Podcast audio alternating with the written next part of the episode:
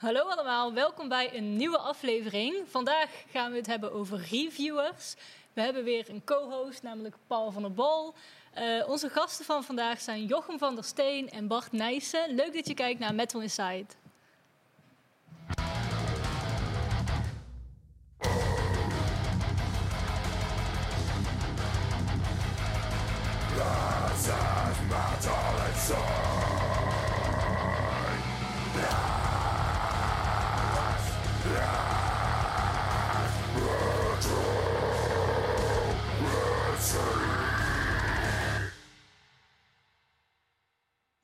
Dat jullie er weer zijn. Uh, Paul hebben jullie al wel vaker gezien, dus ik denk niet dat jij een uh, introductie nodig hebt. Misschien heel kort voor de mensen die uh, voor het eerst kijken. Eh, Paul van der Bol, PR en communicatie bij Loudnoise. Ja, leuk. Nou, dan ja, het thema van vandaag is reviewers. dus we hebben, zoals toepasselijk, hebben we ook weer twee reviewers aan tafel. Uh, Jochem, wil jij je even voorstellen voor de mensen die jou ja, niet kennen? Zeker. Ik ben uh, Jochem van der Steen en ik schrijf, ik denk zo'n jaartje of 13, 14 uh, voor rockportaal.nl. en sinds enige tijd, omdat metal en horror goed samengaan, schrijf ik ook voor de nachtvlinders.nl. En ik ben een trouwe fan van de show, dus leuk cool, om ja, uh, vast te kijken. live bij te zijn. Ja. Dus um, ja, excuses voor het mentale plaatje. Normaal gesproken kijk ik al lekker in bad. Met een biertje erbij. Maar uh, het is fijn om een keer uh, er live bij te zijn met mijn kleren aan. Dus, nou gezegd dan. Dan uh, ja. hadden gewoon een mooi klein badje neergezet voor Dat was uh, geweest. Ja. Metal Side Hot Top Edition. Ja. Nou, ja. Genoeg ideeën. nou, leuk dat je er bent. Bart, wil jij je ook even voorstellen? Uh, ja, ik ben Bart Nijssen. En uh, ik kom oorspronkelijk uit Asterheusden, woon tegenwoordig in Rosmalen. Um, ik heb uh, vroeger in een bandje gespeeld, de Bierbak Duivels. Vorige week zat uh, Peter van Peter Pan's Pieter ook hier. Die, die mannen van Peter Pan, die kennen ons nog wel.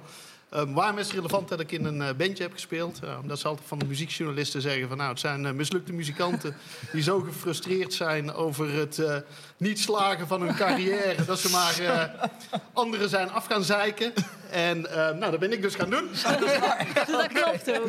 nee, ik schrijf sinds 1999 voor muziekbladen. Um, mm-hmm. Ik ben destijds betrokken geweest bij het opzetten van de loud-sectie van uh, kindofmusic.net. Later uh, aan de slag gegaan voor uh, Rock Tribune.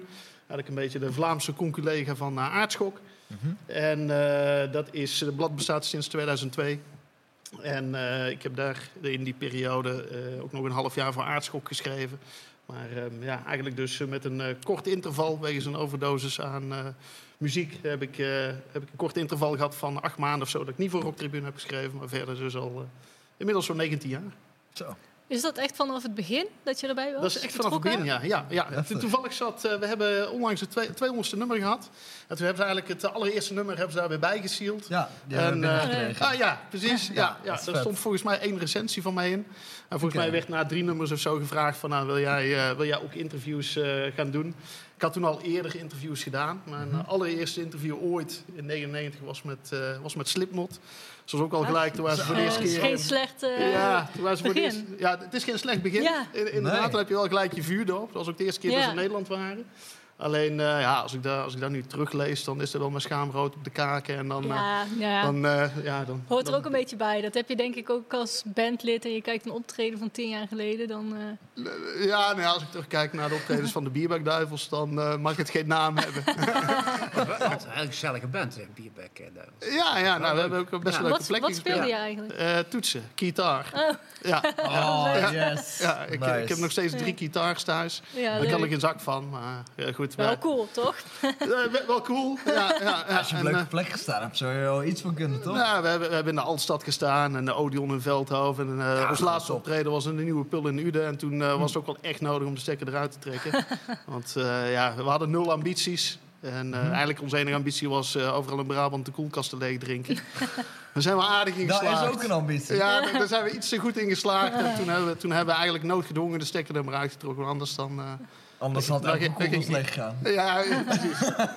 Hadden wij maar aan het schrijven gegaan. nou ja, de schrijven is nooit een ambitie geweest voor mij. Maar ja, je rolt er eigenlijk per toeval rol je erin. En, ik weet niet of jouw ervaring ook is, Jochem, maar als je er eenmaal in zit in die muziekwereld, je, je komt er ook niet meer uit. Nee, dat, is, uh, dat klopt. Ik, uh, Ik schrijf mijn hele leven lang al. Al op de lagere school dan moest je dan eigenlijk zo'n klein stukje schrijven, zeg maar, eh, Mhm. als opdracht. En ik ging dan thuis nog verder. En, eh, dus op een gegeven moment bij een feestje ben ik in gesprek geraakt eh, met, eh, met iemand. Die zei, je komt bekend voor. Ik zeg, ja, kom ook bekend voor. Ja, zegt hij, kom je vaak bij concerten? Ja, daar kom ik vaak. Ah, zegt hij. ja, ik, ik schrijf, of ik maak foto's voor rockportaal.nl. Ken je dat? Ja, kende ik niet, want toen was ik heel klein. En we zoeken nog schrijvers. Als je vaak naar concerten komt, dan is dat misschien iets voor jou. En, en zo is het inderdaad gebeurd. En nu eh, ja, al 13 of 14 jaar inderdaad eh, verder. En begonnen met reviews inderdaad van shows en, eh en platen. En later inderdaad interviews, columns. En, eh, ja. En wie was diegene die jou daar eh, binnenhaalde? Eh, dat was eh, Martijn. Eh, was dat Martijn? Die, eh dus de, eigenlijk de oprichter van, van Rockportaal. Eh, Oké. Die heeft het later nog wel verkocht. Die was ook eh, de eigenaar van Eindhoven Rock City. Die is nu ook Oh. door andere mensen wordt gevoerd. En op een gegeven moment eh, is dat overgenomen. En eh, ja, het- dus het team heel erg gegroeid. Ik was een van de eerste die erbij zat, maar nu hebben we, ik weet niet eens hoeveel, een man of 15, denk ik, 16 mensen die dus daarvoor Ja, schrijven. best flink, toch? En eh, ja, een vast kernteam. En eh, ja, wat, daar wat mensen wel bij. Dus het is eh, inderdaad ja, best een flink aantal. Ja. Vet. Heb jij verder ook iets met schrijven, iets van een opleiding gedaan? Of was het gewoon een hobby die een beetje uit de hand is eh, gelopen? uit uit de hand gelopen. Ja, achteraf denk ik wel eens ooit van ik had journalistiek eh, moeten studeren eigenlijk. Maar ja, als je jong bent, ja, dan weet je nu nog niet precies wat je wil gaan doen. Dus dan denk je van ja, ik wil gewoon een baan waar ik geld kan verdienen. Dus ik ben in de marketing management eh, ben ik begonnen. Ehm, daar zit wel een beetje copywriting bij natuurlijk. ja. Mhm. Eh, later eh, in de IT geraakt, zoals eh, veel eh, metalheads in de IT Ja, eh, of in de zorg werken.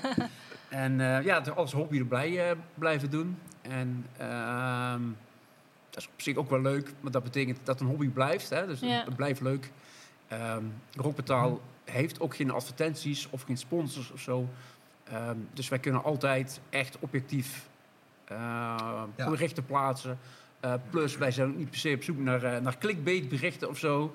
Ehm, hè, we zijn geen blabbermouth of een metal injection of, of dat soort dingen. Ja, die irriteert Eh, me soms wel. Ja, want wij, verdienen, wij, wij Eh, verdienen niks met onze kliks. Wij doen het gewoon van liefde voor de muziek. Vind het leuk om, Gewoon om, om hobby, bandjes te eh. promoten. En eh ja, was het nou leuker dan over muziek te praten of te schrijven. Dus eh, ja. ja, en schrijf je Ja. echt puur jouw, eh, jouw eigen mening? Of Ja. Meer vanuit Rockportaal, vanuit het Nee, team? ik- of is ik- het echt gewoon nee, jouw Dus het is eh, echt mijn mening. En eh, ik probeer altijd wel eh, om zo opbouwend mogelijk te zijn in de kritiek. Het is natuurlijk heel makkelijk om iets eh, helemaal neer te sabelen. Eh, maar ik ben me altijd wel van bewust dat het toch ja, vaak iemand zijn, zijn, zijn kindje is, zeg maar. Ja, Ehm, dus ik zal zelden iets helemaal tot de grond toe afbranden. Ik heb misschien, denk ik in mijn leven misschien twee echt vrij negatieve recensies geschreven. Ehm, maar meestal probeer ik altijd wel iets positiefs over te zeggen. En een beetje rekening mee te houden dat het ook gewoon misschien niet mijn smaak is, qua genre. ja. Eh, maar dan kan het nog wel heel erg goed zijn. Ehm, bijvoorbeeld zo'n band bijvoorbeeld als Atreu bijvoorbeeld. Ja, die zijn een heel poppy kant op gegaan. En eh dat kun je als metalliefhebber niet zo leuk vinden. Maar ze zetten wel een, een goed product neer. Wat Ja. gewoon lekker klinkt. En, en, en doet waar het voor bedoeld is. Namelijk heel veel platen verkopen. ja. En, eh, en de dat waar. vol krijgen. Maar ik vraag me ook af, ehm, ga jij gewoon zelf naar een concert en dan schrijf je daarvoor? Of is dat op uitnodiging? Of, gaat dat in zijn ja, eh, meestal eh, ga, ga ik gewoon kijken van, oké, wat, wat staat er binnenkort hier in de buurt? Ehm, hè, ik kijk ga Ja. meestal naar de shows in Brabant. Ehm, en dan eh, iemand van, eh, van Rockportaal neemt contact op met, met de zalen of festivals. Ehm, met verzoek of wij daar een gastenlijstplekje mogen krijgen. Ehm, meestal lukt dat wel. Intussen hebben we wel een redelijke naam, zeker in de show. En de eh, plekken als eh, Dynamo, Effenaar, eh, Willem II, die kennen ons de intussen wel. In de regio, we wel goed bekend. Ehm, sinds de COVID-periode eh, heb ik op geen enkele gastenlijst meer gestaan. Want ik wilde gewoon de, de, ja, de venues een, beetje, een beetje supporten. Dus ik heb gewoon netjes een kaartje gekocht. En eh, Mooi. nou ja, als in 2022 hopelijk weer een beetje normaal wordt, dan, dan gaan we wel weer gewoon die route op. Eh, want ja, soms ga je dan nog drie shows in een week. En Ja. ja. ja, zo goed verdient de IT nou ook wel niet. Dus, eh, ja, dat snap ik.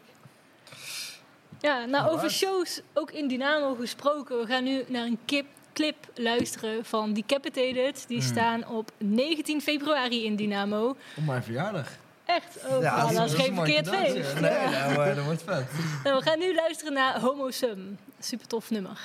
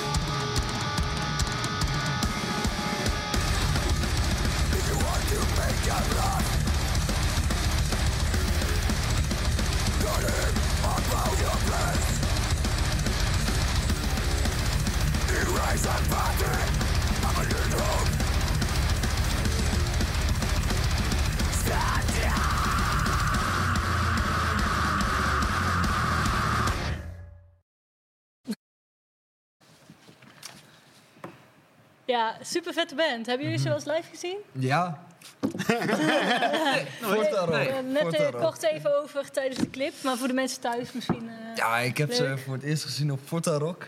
Eh, pff, welk jaar was dat? 2014? Zo? Ik zou het 15, niet weten. 16? Nee, ik weet het niet meer. Ik heb ze Into the Grave gezien, volgens mij 2018. Maar zo vet. Die gast heeft die dreadlocks tot op zijn knieën, dus inderdaad. ja, de- toen, toen dacht ik, ja, dat wil ik ook. Die dreadlocks. Ja, bezig. Nee, dat heb ik ook gehad. Eh, en eh, inmiddels er weer af. Maar dat vond ik zo vet. En eh dat was zo lomp en die pit. Ik ben helemaal het leplazer is geslagen. En ik dacht, dat wil ik ook. Het was En agressief. ja, nice. was, ik kreeg zo'n gevoel van, ehm, hoe heet het, van textures gecombineerd met, eh met Suga of zo. Het was zo agressief en rauw. Ja. En eh, mega vette band. Eh, een goede review. Schrijf hem op. ja, schrijf hem op inderdaad het sturen. eh, dat gaat nooit goed. Ja. journalist kun je beter niet in de pit gaan, want die wil je zeker zijn dat je de hele show kunt zien. Ja, Dus als ja, je dan ja, afgevoerd wordt halverwege, dan, ja, dan Ja, zoals bij eh Die Artist Murder. bijvoorbeeld. Ja. ja. Wat was dat? Ja, een hersenschudding.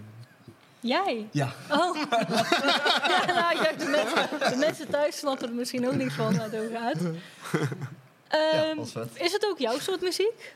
Nou, niet, niet per se. Niet per se. Nee, ik, ik Wat ben... luister jij voornamelijk? Nee, ik ben eigenlijk echt opgegroeid, eh, nou, sowieso vroeger met eh, Alice Cooper. Alice Cooper dat is, echt mijn, eh, dat is echt mijn grote held eigenlijk, nog steeds Ja. wel. Dat is ook gewoon een van de weinige Geweldig. artiesten, als die mag interviewen, dan ben ik gewoon nog steeds echt strontzenuwachtig. Is dat wel eens gebeurd? Heb je dat wel eens mogen doen? Ik heb hem drie keer mogen interviewen. Oh, vet. ja, was dat helaas, ja, was helaas niet face-to-face, maar ergens is het ook wel gewoon humor dat je gewoon, eh, dat je gewoon beseft dat eh, Alice Cooper een 073 nummer heeft, heeft gedraaid en, eh, en naar Rosmalen belt om jou te spreken, zeg maar. Want ehm, eh, ehm, Alice Cooper, dat is, dat is wel zo, als je hem interviewt, ja, en misschien dwalen we nu een beetje af, maar die, Nee, ehm, nee, bij, hem is alles, ehm, ondanks dat er eh, niemand tussen zit, ja, waarschijnlijk zitten er heel veel mensen tussen, is het super geregisseerd. In de zin van, ehm, als ik een interview doe met eh Bullet for My Valentine of weet, weet ik veel wat, eh, dan krijg ik word gebeld en dan krijg ik eerst eh, iemand van het label eh, uit de USA aan de lijn van, hey, ehm, hey, ik ga je zo connecten en je hebt 20 minuten en eh, dan na een kwartier dan vallen ze in, ja, je hebt nog vijf minuten en dan op een gegeven moment, ja, stop, we moeten het gaan eind- beëindigen. En Alice Cooper is gewoon, ja, je neemt de telefoon op, hi, this is Alice. En hij begint gelijk te lullen. Het is bij hem ook wel mega strak, zeg maar. Want ja, die gast die heeft zoveel interviews op een dag. Dus dat is dan ook echt gewoon... Je weet dat je een kwartiertje hebt. En na een kwartier dan zegt hij ook zelf gewoon van... Nou, ik moet nu door naar de volgende. En, eh, en, en dat is Alice Ja. Cooper. En hij weet ook... Hè, want hij is, hij is van 48, dus hij is, inmiddels, hij is inmiddels best wel op leeftijd. Maar hij weet ook vooraf precies wat hij wil vertellen. En daar maakt het voor jou als journalist zijnde enerzijds heel makkelijk... maar anderzijds ook heel moeilijk. Want je wil natuurlijk... Hè, kijk, Het geeft niet echt de ruimte om iets origineels eh, Precies, wij maken, wij, ma- wij, maken, wij maken eigenlijk geen blad, maar we maken content. Hè? En Ja. jullie maken geen website, maar je maakt content. En je bent altijd Ja. wel op zoek naar een, een interessant verhaal, een uniek verhaal, naar unieke content. Ja. En bij Alice Cooper, eh, dan moet je me echt af en toe gewoon even terugzetten of terugsturen. Omdat hij zit al zo in het verhaal wat hij wil vertellen. Hij weet, hij weet Ja. precies wat hij wil vertellen. Ja. Maar Dat is ja, en een terugroepen, dat is... eh, Eh, nou, ja, ja. ja nee, Doe je zou dat daar dan? niet snel de Nee, de- de- ja, terugroepen. Ja, ik, ik- nee, ik, doe, nee, ik doe dat wel. Zijn, zijn, laatste, eh, zijn laatste plaat, toen, toen eh, stelde ik een, een vraag. Hè, dat was die Detroit Stories. Ik stelde een vraag aan hem. En hij ging een bepaald pad in, maar dat was niet wat ik bedoeld had met die vraag. Dus ik, ik riep hem eigenlijk terug van... ja, maar ik wil dit of dit van je horen. En, eh, Wat voor reactie en, en nou, da- daar, daar antwoordde hij uiteindelijk ook wel, eh, ook wel gewoon op. Hè, dus eh, ja, ehm, wat ik zeg, enerzijds... Ja, hij, hij weet echt precies wat hij aan het doen Ja. is. En bij heel veel andere bands heb je nog wel eens de vraag van... weet je nou eigenlijk wel wat je aan het doen bent? Maar, Ja, dat is herkenbaar. Bij, eh, bij grotere bands ehm, heb je dat inderdaad vaak. Dat ze ja, gewoon hetzelfde verhaal weer afsteken. ja. En eh, dan, eh, ik heb eens een keer een gesprek gehad met eh, iemand van eh, de Dead Daisies, geloof ik. En die was, die was aan het afwassen, hoorde ik, zeg maar. En ja, dat verhaal dat had ik al honderd keer gelezen. Dus dan is het even de kunst om Ja. mensen eruit te trekken. En ehm, er iets persoonlijks van te maken. En iets te kunnen vragen waarbij je in gesprek komt... wat niet in elk blad te lezen is. Ja. Want ik vind het leuk... Kijk, het- een beetje moet natuurlijk gaan over het promoten van een plaat. Eh, want daarom komt de platenmaatschappij tot bij jou. Maar ik vind het stukje eh, diepgang, een beetje het menselijke... ehm, juist zo interessant. Hè? En ik luister veel podcasts en daar is vaak ook iets meer die ruimte om daar meer de diepte in te gaan. Ehm, maar dat is mooi. Ik had laatst een interview met uh, Annabel van uh, Cradle of Filth. Die dat pas nieuw in, in de band. En dat was een heel mooi persoonlijk gesprek waarbij je ehm, iemand die voor het eerst spreekt toch heel dichtbij komt. Als je het hebt over de jeugd en zo. En ehm, ja, dat, dat, dat, maakt het wel mooi. Het, het, dat maakt het, het werk mooi. En ehm, als je dat goed doet, uh, dan kun je iets bieden uh, wat niet iedereen biedt. Ja, ja dat is wat je wil natuurlijk. Ja. ja. En, ik, zoek, ja. ik, ik, zoek meestal ook wel echt, echt een stukje diepgang, zeg maar, van wat is nou de achtergrond waar tegen die plaat gemaakt is. Want uiteindelijk, hè, wat ik wil dat mijn lezers ervaren, is dat als ze een uh, plaat horen, hè, dan hebben ze, vormen ze zich daar een mening over. Maar als ze dan een stuk gelezen hebben, dat ze eigenlijk een nieuwe dimensie ontdekken. Dat is, dat is eigenlijk wat ik meestal probeer na te streven. En er is maar één keer, ja, vind ik zelf, ik ben echt de grootste criticaster van mezelf. Ik ben zelf zelden 100%, tevreden over de stukken. Maar ja, je hebt een deadline, dus je moet op een gegeven moment moet je zeggen van... nou moet het weg. Hetzelfde met het schrijven van, uh, van muziek. Maar met Devin Townsend, uh, die plaat Addicted toen... wat ik nog steeds een van zijn beste platen vind. is een van zijn meest toegankelijke, misschien wel een van zijn meest poppy maar, uh, platen misschien wel. Maar ik vind dat nog steeds een van zijn beste. En um, ik vond een, een te gekke plaat. Nou, Addicted, de titel die verraadt eigenlijk al waar het over gaat. Maar dan heb je uiteindelijk dat gesprek met hem en dan vertelt hij van... Um, um, ja, hij heeft allerlei verslavingen gehad. Uh, uh, seks, drugs, uh, drank, noem maar op. En van het een op het andere moment is hij daarmee gestopt. En um, toen begon hij heel erg te twijfelen aan zichzelf. Van, kan ik nog wel creatief zijn zonder al die dingen. Dus hij heeft, zes maanden lang heeft hij zijn gitaar niet aan durven raken... omdat hij dacht dat hij het niet meer kon. Terwijl de buitenwereld hem ziet als, als een genie. Toen al eigenlijk. Hè? Ja. En vervolgens maakt hij eigenlijk zijn, zijn beste platen ooit. En, en ook zijn Addicted. Heel dat verhaal. Als je, nu dan die, als, je, als je dat weet, als je die achtergrond kent... en je luistert dan weer opnieuw naar die plaat... Ja, dan, hoor je, dan hoor je eigenlijk een, een nieuwe dimensie. Waarvan je misschien wel al wist dat hij er was... maar er gaat echt nog wel een deurtje open dan. En da, da, ja. ja dat is eigenlijk, als, als dat lukt, ja, dan ben ik het, het meest tevreden eigenlijk. Ja, Ja, snap dat ik. snap ik. Dat Hoewel ik ook één keer wel mega plat ben geweest gaan met... eh maar vra de vraag de band om Steel Panther. Dat, eh, ja, dan ga je weer, weer gewoon iets compleet anders doen. Ja, Wat- Steel Panther is, eh, is een heel ander verhaal. Ik, Ja. heb, ik heb eh, Ja. John, John Diva eh, heb ik, eh, geïnterviewd. Ja. John Diver van Rocks of Love. En is zo'n parodie ook op, op glam metal. En heb ik inderdaad gevraagd van... Goh, eh, hoe kan ik ook zo, eh, zo populair bij de vrouwen worden als jou? En eh, ehm, wat, wat is het geheim van je haar? En eh, daar ging je ook helemaal, helemaal aan mee. Dus dat was geweldig eh, om, om te doen ook inderdaad. Om eh, Ja. dan die hoek te kiezen. Ja, ja. Ja. Ah, bij, bij Steel Panther, ik, ik, ik had zoiets van, ja, de, de band... Ik, ik wilde iets anders doen dan, dan het normale. En het ging volgens mij toen om die tweede plaat. eh, hoe heet die ook weer? Eh, Ball of Steel of zo? Of hoe heet die? Feel the Eh, Steel, volgens mij? The Zoiets? Steel. Steel, toch? Steel, ja. Goeie cover van die plaat. ja. Ik, moest, ik moest er naar 013 op die band interviewen. En ik dacht van ja, ik, ik, ik, ik wil dit dus wat creatiever aanpakken. Hè. Niet, dat de zoveelste journalist komt met weer dezelfde vragen, noem maar op. Dus ik had er al met collega's over gehad van wat ga ik doen. Toen zei een van mijn collega's die zei van ja, je moet, eh, je moet cupcakes tracteren. En dat zijn eigenlijk cupcakes, Ja. maar dan met een vagina erop. ik snap hem. Ja, precies. Eh, dus ik dacht van ja, leuk idee, maar dat krijg ik binnen een dag niet meer, eh, niet meer geregeld. En ehm, toen dacht ik dus uiteindelijk, hè, we hebben Steel Panther, het is allemaal plat. En eh, seks, drugs, rock en roll en vooral veel seks natuurlijk. En toen dacht ik van, nou, eh, de plaat heeft twaalf nummers. Ik heb op Google allemaal afbeeldingen gezocht van, eh, van, eh, van, van borsten. En eh, hè, dus eh, appeltjes, meloenen, hangtieten, noem maar op. En ik dacht van, nou dan laat ik, dan laat ik hun, laat ik de, eh, elk nummer koppelen aan een bepaald type. Oh, wauw. En ik dacht van, nou, ik doe er ook manboobs eh tussen. Maar ja, dat is ook een vorm van, eh, van borsten. En nou, nou komt, ja, die, die verzin je niet. Maar ik had dus afbeeldingen gezocht op Google. Op grote, grote platen geprint. Ehm, allemaal zonder het hoofd erbij natuurlijk. En ik kom binnen en ik leg die twee platen op tafel. En het eerste wat eh, Michael Starr, die zanger van Steel Panther, zegt is...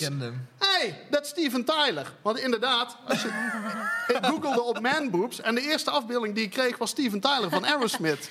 En die gast die herkende, herkende gewoon de manboobs van Steven Tyler. Ja, dat verzin je niet, maar wel eh, hilarisch. Dat is Dat wel is mooi. grappig, Ik heb ook ja. nooit zoveel eh, reacties op een interview gekregen als, eh, als Ja, toen. dat is maar- wel heel leuk. Ja. ja. Je had het net kort al even over Bullet for My Valentine. We gaan nu kijken naar de nieuwe clip van Bullet for My Valentine. Die heet Shadow. Die is uitgekomen op Oh ja. 10 september dit jaar. En daarna gaan we meteen door naar het metal nieuws door onze stagiaire Devony.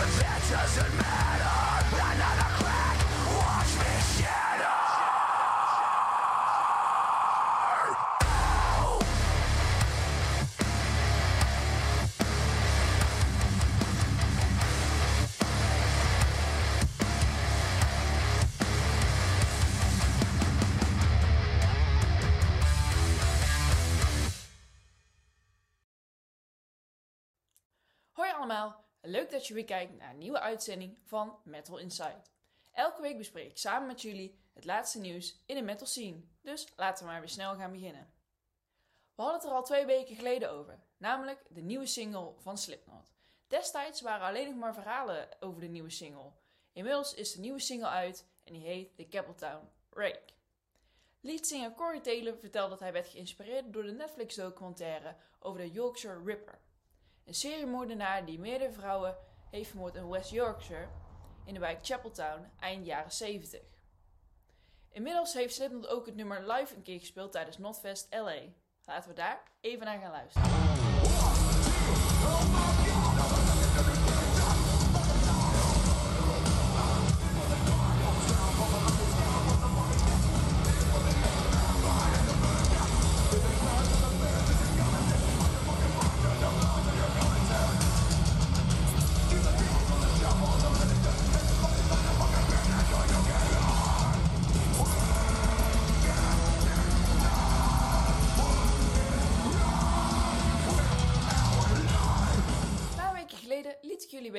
Metallica het artwork van Justice for All tot leven had gewekt. En het beeld uitbracht in het voorjaar van 2022. Nu komt Metallica opnieuw met een speciaal verzamelobject voor de echte Metallica-fans. Namelijk een super zeldzame ring voor het 40-jarig be- jarig bestaan van de band. Er zijn slechts 40 ringen gemaakt, dus speciaal zijn ze zeker. De ringen zijn afgelopen maandag in de verkoop gegaan via de website van Metallica. En kosten maar liefst 400 dollar. Mocht je liever een goedkopere optie willen, dan is er ook een standaard versie ring te koop. Het verschil met de 400 dollar eh, kostende ring is dat de ring niet genummerd is en dat ook de M eh, die op de ring staat niet op de ring ligt, maar erin is gegraveerd. De minder exclusieve ring is vanaf december te koop via de website van Metallica. Slipknot is niet de enige band die zich bezighoudt met nieuwe muziek. Het lijkt er namelijk op dat er binnenkort ook nieuwe muziek uitkomt van Korn. De band heeft een nieuwe Instagram filter uitgebracht via een speciale QR-code en in Camden in Londen is een nieuw billboard opgedoken waar dezelfde QR-code voor de filter op staat. Wij zijn erg benieuwd wanneer de nieuwe single uitkomt. Jullie ook? Dit was het Metal Nieuws voor deze week. Mocht je daar niks missen van wat wij bij Loudnose allemaal voor jullie in petto hebben, zorg dan dat je alle onze socials volgt. En ik zie jullie volgende week weer terug. Houdoe! Ja, dat was het nieuws weer voor deze week. Hatsflats. Jij... eh, Gesproken over nieuws. Ja, Clickbait. Wat vinden we daarvan? Ik, ik vind het afschuwelijk. Lees ik op Metal Injection of zo, lees ik inderdaad een headline dat ik denk van... Wat? En, en dan klik ik erop en dan is het of een oud artikel of het valt allemaal mee of iets, heel iets anders. Ja, Ja, Eh, of het doen- gaat er Doen jullie dat wel eens? Nou, eh, ik, lees eh, veel online inderdaad. Kijk, met ons blad hebben we weinig last van, eh van clickbait natuurlijk. Maar ehm, wat ik gewoon het meest irritante vind is net zoals zo'n Kerrang die dan met een headline komt dat je denkt van... oh, dit is interessant, laat ik eens even doorklikken. En dan blijkt een artikel te zijn wat ze vorig jaar en het jaar daarvoor... en het jaar daarvoor ook al gepubliceerd hadden. En dat ze inderdaad op die manier eigenlijk weer opnieuw lezers eh, proberen te trekken, zeg maar. Ja, ik, ik hou daar ook niet van. En Totaal niet. wij, ja, ik moet zeggen, ik ben ook niet van de sen- sensatiezucht, zeg maar. Gewoon, kijk, als een, eh, ik krijg best vaak, ook voor interviews, van ah, eh, de band wil niet hier of daarover praten. En ehm, eh, soms respecteer ik dat. Soms dan eh, ga ik ook in een interview wel kijken van, ja, maar hoe ver kan ik nou wel echt gaan? Want ik heb ook wel eens gemerkt dat het management soms zegt van, eh, hey, je mag het niet hier of daarover hebben. En dat als je, dan, eh, eh, als je die gasten aan de lijn hebt, dan valt het wel eh, mee. En dan, dan willen ze er eigenlijk best over praten. Hè? Dus het is ook Ja. altijd wel goed om even te over wat checken. soort dingen gaat het dan? Ben ik wel benieuwd. Ja, voor wat voor dingen gaat nou, eh, ehm, Wat mij eigenlijk het meest bijstaat nu van recent is... eh, ik had een interview met Howard Jones... eh, oude zanger van Killswitch Engage. Tegenwoordig eh, light, ja, hele goede zanger. Light the Torch. Ik keek er heel erg naar uit. En, ehm, Bij Signal Fire weer meegedaan, toch? Ja, klopt. Ja, ja, Oh, geweldige track. ja, zo, klopt. Ja. Nou, ik had echt zin in dat eh, interview. En ehm, eigenlijk zat de sfeer er al gelijk eh, lekker in. Of dus eigenlijk helemaal niet, want ik werd al gelijk onderbroken van... eh, ehm, dit is zeg maar de...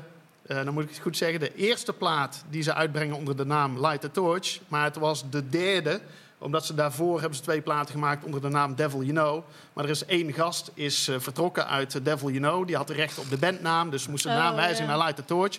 Dus toen ik, toen ik eigenlijk mijn vraag in wilde steken en wilde zeggen van... eh, ja, nou, dit is eh, dus eigenlijk al de derde plaat. als je, en ik kon eigenlijk niet eens zeggen, als je die andere twee meerekent... kon ik niet eens zeggen, want hij zei al van... Nee, dit is de eerste. En Dat soort dingen. Maar hij wilde, hij wilde dus ook niet over het verleden praten. Het kon alleen maar over die eerste gaan. En uiteindelijk eh, best wel ja, nou, een aanvaring gehad, is een groot woord. Maar, maar wel even tegen elkaar uitgesproken van... eh, ja, hij vond op een gegeven moment dat ik, eh, dat ik niet luister naar hem. En weet ik veel wat allemaal. En, Ik heb, ik, heb, ik heb het interview gelezen. En, en Oh, je hebt het gelezen? Dan, ik, ik, ik, ik kan me dan op jou voorstellen. En ik denk, oh god, wat een nachtmerrie. Terwijl Howard Jones, ik ben een enorme grote fan van.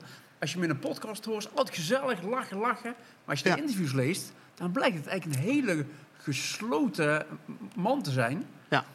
Ja. En ja, dat, is, ja dat, is echt, dat zijn een heel vervelende interviews. Ja, nou, misschien moet ik ook wel gewoon accepteren dat ik ben altijd best wel een beetje eh, ja, flap uit en, noem- ja. en noem maar op inderdaad. ook wel En, Een beetje, anders... eh, ja, klopt. Alleen ik moet ook leren en accepteren dat sommige mensen eh, eh, introverter zijn. En, en ja, gewoon wat geslotener en noem maar op. Nou was ik voor Howard Jones Ja. was ik toevallig al gewaarschuwd door twee mensen uit mijn omgeving. Die al ooit eerder met hem een interview hadden gedaan. En wat ook gewoon echt nergens over ging. Maar eh, Ja. ja. en dan trouwens nog een ander voorbeeldje. nou, dat was, eh, maakt dan een titel natuurlijk met Howard Jones, Jones Flipped.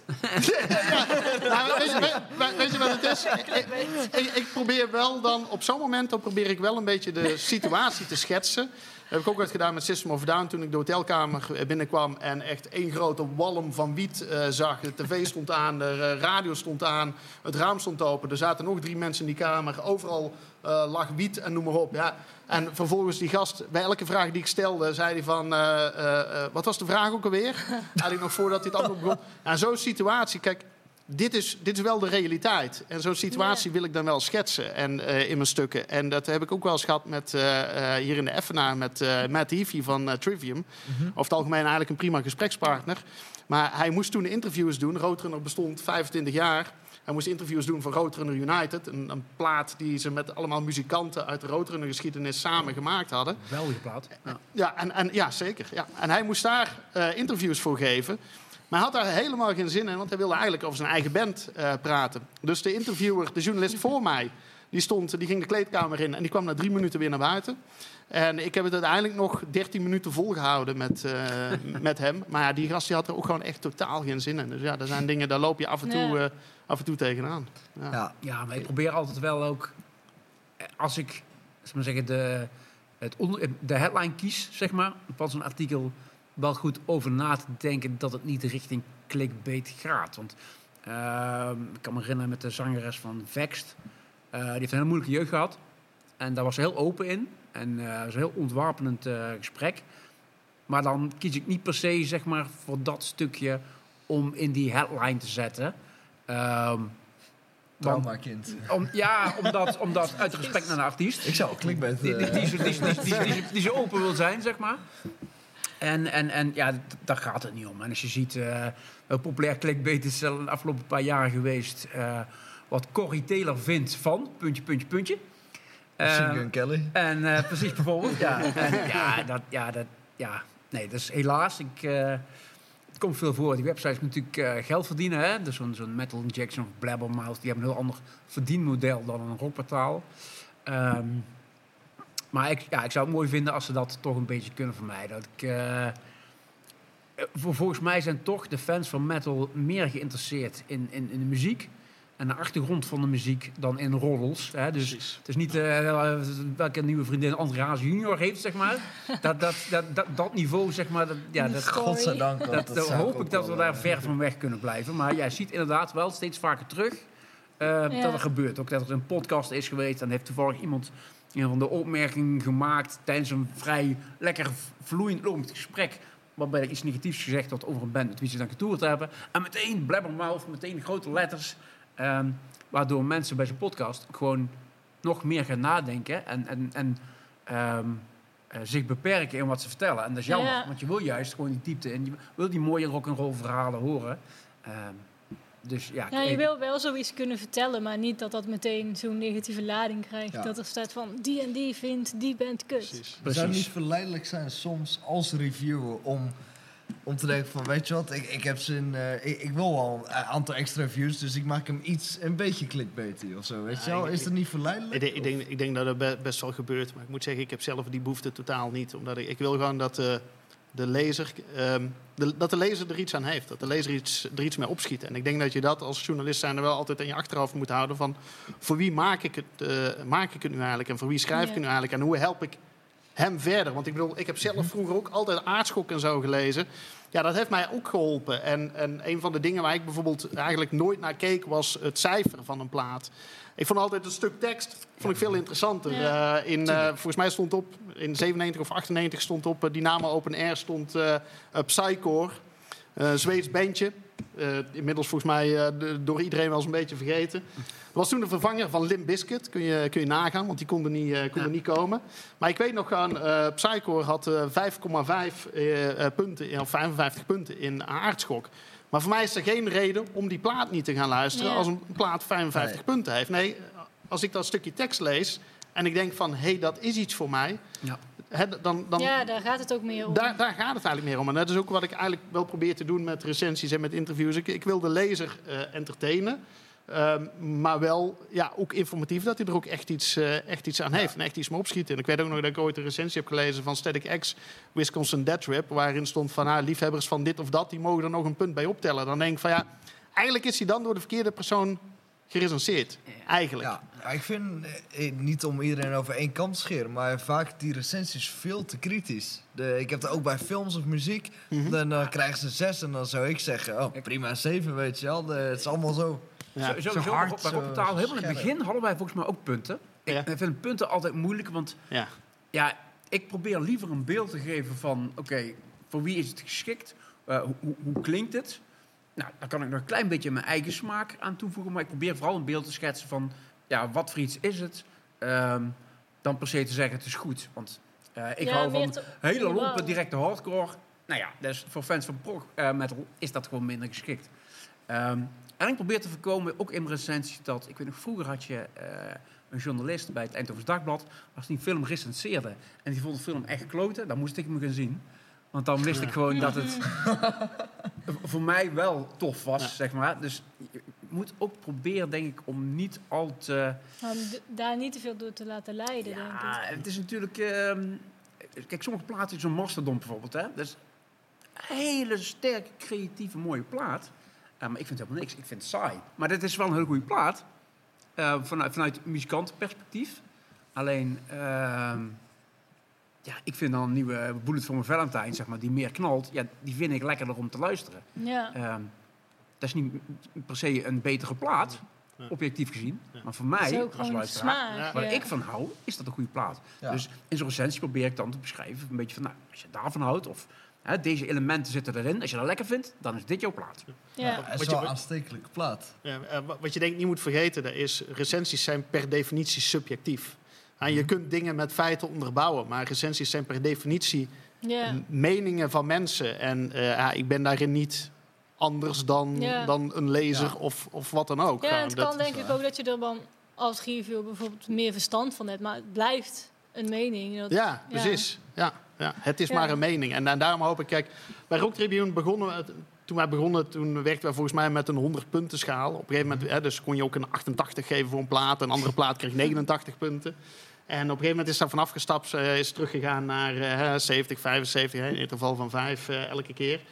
En ik ben er eigenlijk wel heel blij mee. Maar eigenlijk zou ik het liefste gewoon, misschien nog wel geen punten eronder hebben. Ja. Gewoon, ik heb het liefst dat mensen gewoon de tekst lezen. Want ik denk Ja. dat ze daar veel meer aan hebben dan als ze zich alleen maar blind staren op die cijfertjes. Dus Denk ik ook. fuck Ja, de denk cijfertjes, eh, ook, weg ja. ermee eigenlijk. Ja. Ja, Ja, we gaan weer naar een nieuwe- aanstekelijke plaat. Ja, we gaan luisteren naar de nieuwe single van Napalm Death. Die is gisteren uitgebracht. Gisteravond volgens mij. Dus Mhm. eh, hebben jullie hem al gezien? Ik heb hem nog niet gezien, hè, dus ik ben niet. eh, benieuwd. Niet? Nou, dan ben ik de enige. Nou, daar gaan we nu even naar luisteren. En dan, eh, ja, dan hoor ik zo wat jullie ervan vinden. Hij heet. Contagion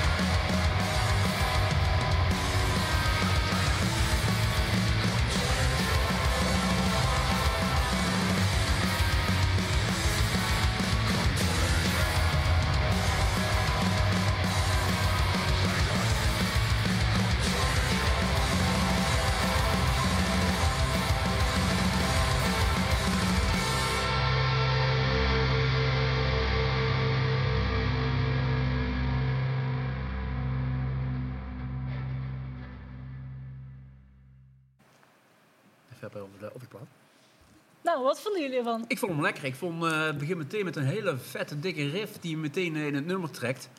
En eh, ja, het is natuurlijk ja, meer het nieuwe Nippon Death geluid dan het, dan het oude. Maar eh, Ja, nou, ik heb net Ja, even lekker. gecheckt, want ik dacht, ik herken hem al. Maar hij is dus van de vorige plaat, eh Thrones of Joy in the Jaws of Defeatism. Lekker makkelijke titel. Oh ja. Maar de clip die is dus gisteren uitgekomen. ja.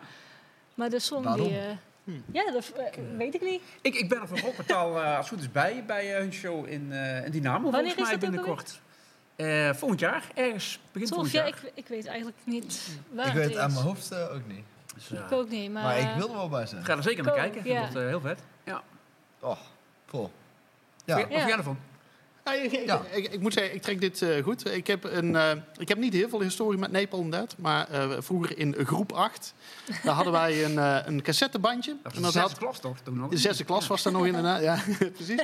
En daar hadden wij een cassettebandje en daar stond Napalm Dead op, daar stond Mucky Pup op, daar stond The Accused op. En had zo'n beetje iedereen gekopieerd, zeg maar. Dus iedereen had zo'n TDK SA90 met diezelfde nummers op kant A, eh, Mucky Pup en eh, Napalm TDK Dead en zo. SA90? Ja, cassette, ja, weet je nog, Cassette- cassettebandjes, weet je nog wat Ja, nee, ik niet? heb een cassettespeler gehad, heel kort. Oké, oké. Eh, en toen ging ik naar een MP3 over. Ja, nou, de- TSA. De TDK SA90, Wat dat is eh, legendarisch onder de cassettebandjes. Zoals Gewoon merk, merk, type eh, type cassettebandjes. Oh, nou, Ja. oh, de- 90 is, past er 90 Maar- minuten op. Ik, ik was denk ik, eh, ik denk dat ik wij 8 beter of zijn, 9 maar- was toen ik zo'n cassettespeler was. En daarna ging die eruit. Ja, oké. Ja. Ja, maar dat- Zo lang heb ik dat Toen niet. gingen we over naar de Discman. ja, precies. Maar wij, wij gingen nog uh, Vares vuurwerk luisteren en dan eh, Surf Nicaragua van uh, Sacred Reich opnemen op een. TDK SA90, zeg maar. Op de basisschool Maar hoe komt zo'n ja. bandje op de basisschool terecht? Nou, was het gewoon... dat was van school of dat was van nee, je nee, klasgenoten? En, en, en zo'n vader die zei... Nou, Ja, dat zal wel. vrienden van mij, Nico Winkelmolen, of vrienden van mij die hadden oudere broers. Dat was Nico Winkelmolen er een van, die kent eh, Jochem ook, Ja. eh, ook Oké. goed. En eh, die oudere broers die luisterden al naar dat soort muziek. En dan kwam dan bij de jongere broertjes terecht. En, eh, Vet. Ja. Grappig, En, en iedereen kopieerde datzelfde bandje. Ik heb hem thuis nog, eh, nog staan zelfs. En daar stond uh, Napalm Dead ook op. Leuk. Drie ja. seconden Ja, nou, gesproken over, eh, over de basisschool. Ik denk dat die, eh daar hadden we het net over, die eh, Odin en Nova. Ja. Uit, uit ja. Rosmalen, Uit toch? Rosmalen, Uit ja, zeker. Rosmalen. Ja, ja. Metal community. Ja, ja, ja. ja, De- daar zal het ook wel iets op de basisschool toch rond gaan zijn. De, ik bedoel, die moeten het ergens gevonden hebben. ik, ik denk of de ze dat de- van YouTube komen? Ja, of waar zou ik denk dat de- de vinden? Muziek bedoel je? Ja, maar ik denk de invloed van de ouders toch wel. Ja, eh, dat denk ik kijk, ook. als je kijkt naar maar, mijn, ouders, mijn, een review gelezen mijn ouders die, die luisteren naar, naar, naar Julio Iglesias en Corrie Konings. Dus dat krijg ik mee. Maar als ik kijk naar jouw generatie, dan luisteren de ouders naar Deep Purple, Led Zeppelin. Ja, Eh, mijn vader luistert inderdaad Purple, Precies. Zeppelin, Nazareth. eh, Daar ben ik mee opgegroeid. Ja, Ja. en als, en als je kijkt wat ik mijn zoontje dan probeer bij te brengen, lukt ook niet helemaal. Maar dus, ja, hij probeert daar een beetje Metallica, eigenlijk Maiden. Mhm. Hè. Je begint niet meteen met Napalm Death. Eh, dus ik, ik denk toch wel dat het in het beginsel eh, de invloed is eh, van, van, van, Denk de, ik van ook, ouders. ja. Denk Dat, ik. dat denk ik Ja. ook. Maar het leuke is, die invloed die komt ook weer terug. Want mijn oudste dochter is nu eh 12. En ze af en toe dingen van mij eh, eruit. eh, Ghost. En eh, opeens komt ze dan met Nothing More aanzetten. Ik denk van, waar heb je dit vandaan? Maar er schijnt dan op TikTok weer iets te zijn. Maar ik, le- Oh ja, ik, ik leer...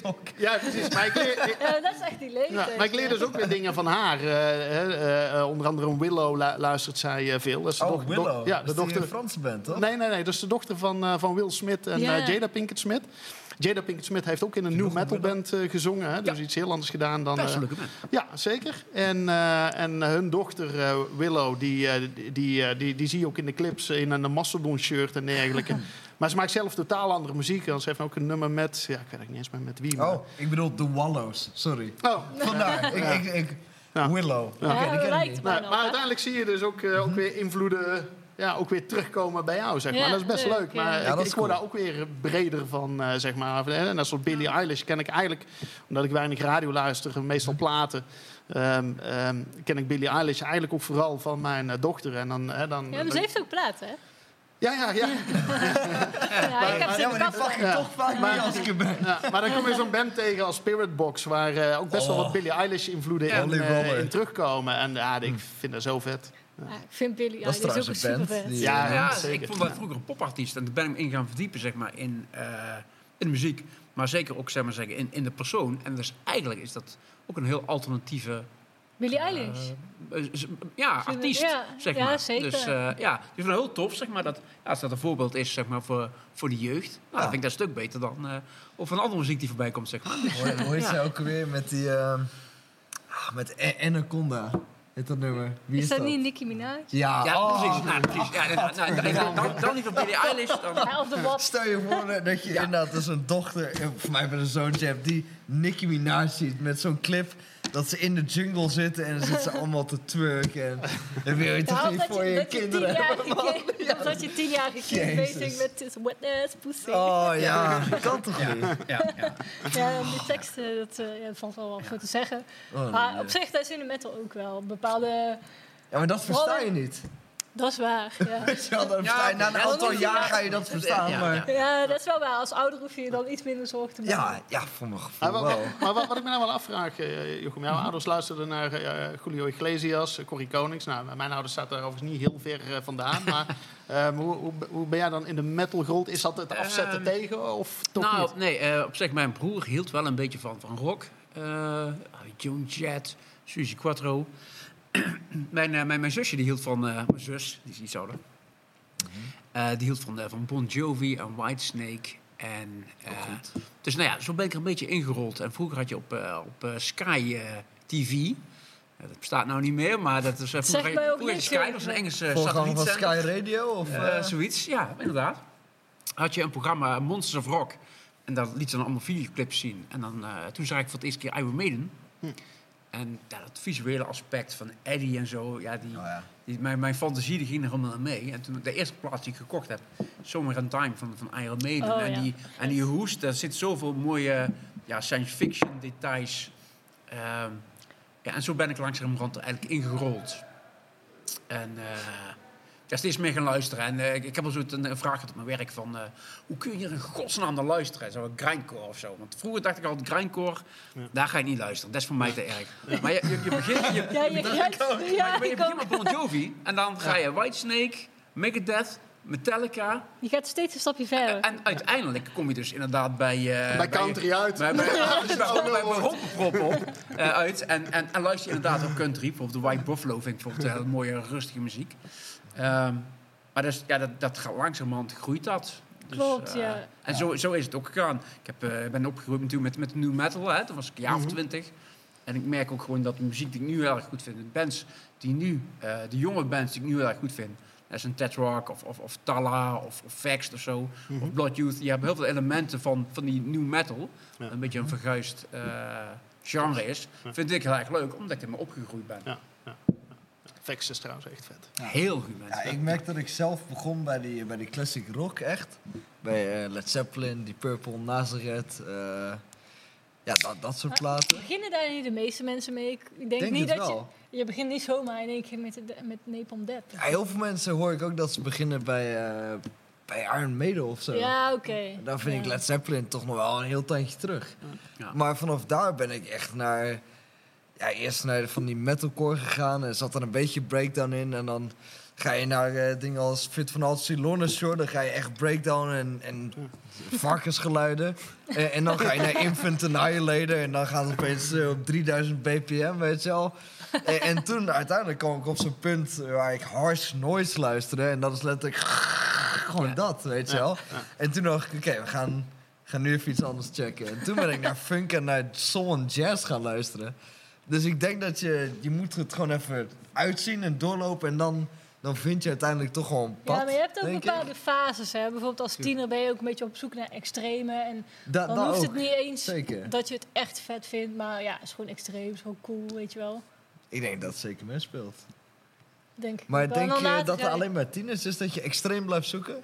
Of blij- blijf, blijf je heel je leven extreem zoeken? Dat, zou- dat verschilt per persoon, denk ik. Ja, Blijf, ja, blijven eh, jullie ook nog steeds opzoeken naar nou, Ja, de, de ik- meest... eh, Ik, ik heb laatst een nieuwe Phil, Phil Jarta gerecenseerd. Ja, Mhm. de- ik vind hem echt zo, zo'n vette plaat. Ja, het is... eh, ja, Eh, eh, heel, erg, heel erg geïnspireerd door eh Meshuggah. En ehm, ik heb eigenlijk best lang geroepen van... Heel technisch hoeft voor mij niet. Dat gaat, dat gaat voor mij te ver. Ehm, Mhm. Voor mij is het belangrijk dat er passie en emotie in muziek zit. En uiteindelijk dan kom je er toch wel achter dat je ook in die echt technische hoek... dat je daar toch wel heel vette dingen tegenkomt. Ja, dat en, herken ik ook wel. ja, Ja, en, dat- en dat is soms gewoon eh, best lastig. Hè? Ehm, ehm, hè, wat maakt een plaat goed of wat maakt een plaat niet goed? Ja, ik kan, eh, ik kan eh, op, uit een plaat gaan op een album van hè, een simpele rap, punk, rock als Zebrahead. Maar ook op die nieuwe Phil Jarta, zeg maar. Ja. En, ja, hè, en, en, eh, ja, het een sluit het ander ook niet Nee, uit. precies. En, en eh, waarschijnlijk allebei om heel verschillende redenen. Die, die soms misschien ook lastig te verklaren zijn. Maar er zijn ook echt momenten dat ik echt totaal geen zin heb om die, eh, om die eh, te luisteren. Terwijl ik het wel een heel goede plaat vind. Maar gewoon, ja, dat heeft ook zo'n Tuurlijk. intensiteit dat je... Ja, d- dan, Ja, je moet er dan- ook zin in hebben. daar moet je ook wel echt zin in hebben, ja. Ja. Want ik kan me ook heel goed voorstellen dat er heel veel mensen zijn die er heel erg veel kop aan van krijgen. Ja. Ja, over nieuwe platen gesproken. Wat, eh, wat vinden jullie van de nieuwe Limp Bizkit plaat? Wat, Ik, eh, eh, ik, ik vind, ja, ik zei toevallig net al van, ja, ik ben in de new metal tijd je, met de metal opgegroeid. En ik vind de Wes Borland een hele goede gitarist. Dus dat is voor mij de basis zeg maar, van de nummers. En dan heb je Fred Durst, die hij heeft- heeft er ook nog de microfoon bij. Ja, dat hoeft mij dan niet altijd. Ehm, en, en ja, met zijn rap metal nummers heb ik minder. Maar ik durf wel te zeggen dat er toch wel minstens drie of vier goede nummers op, op, de nieuwe plaat zijn. Eh, dat is niet, niet per se de singles. Ik vind die Dead Vibes eh, vind ik niet zo best. Dat is de Maar- enige die toen ik hem één keer los hoorde Maar- en dat ik die live zag, dacht ik inderdaad...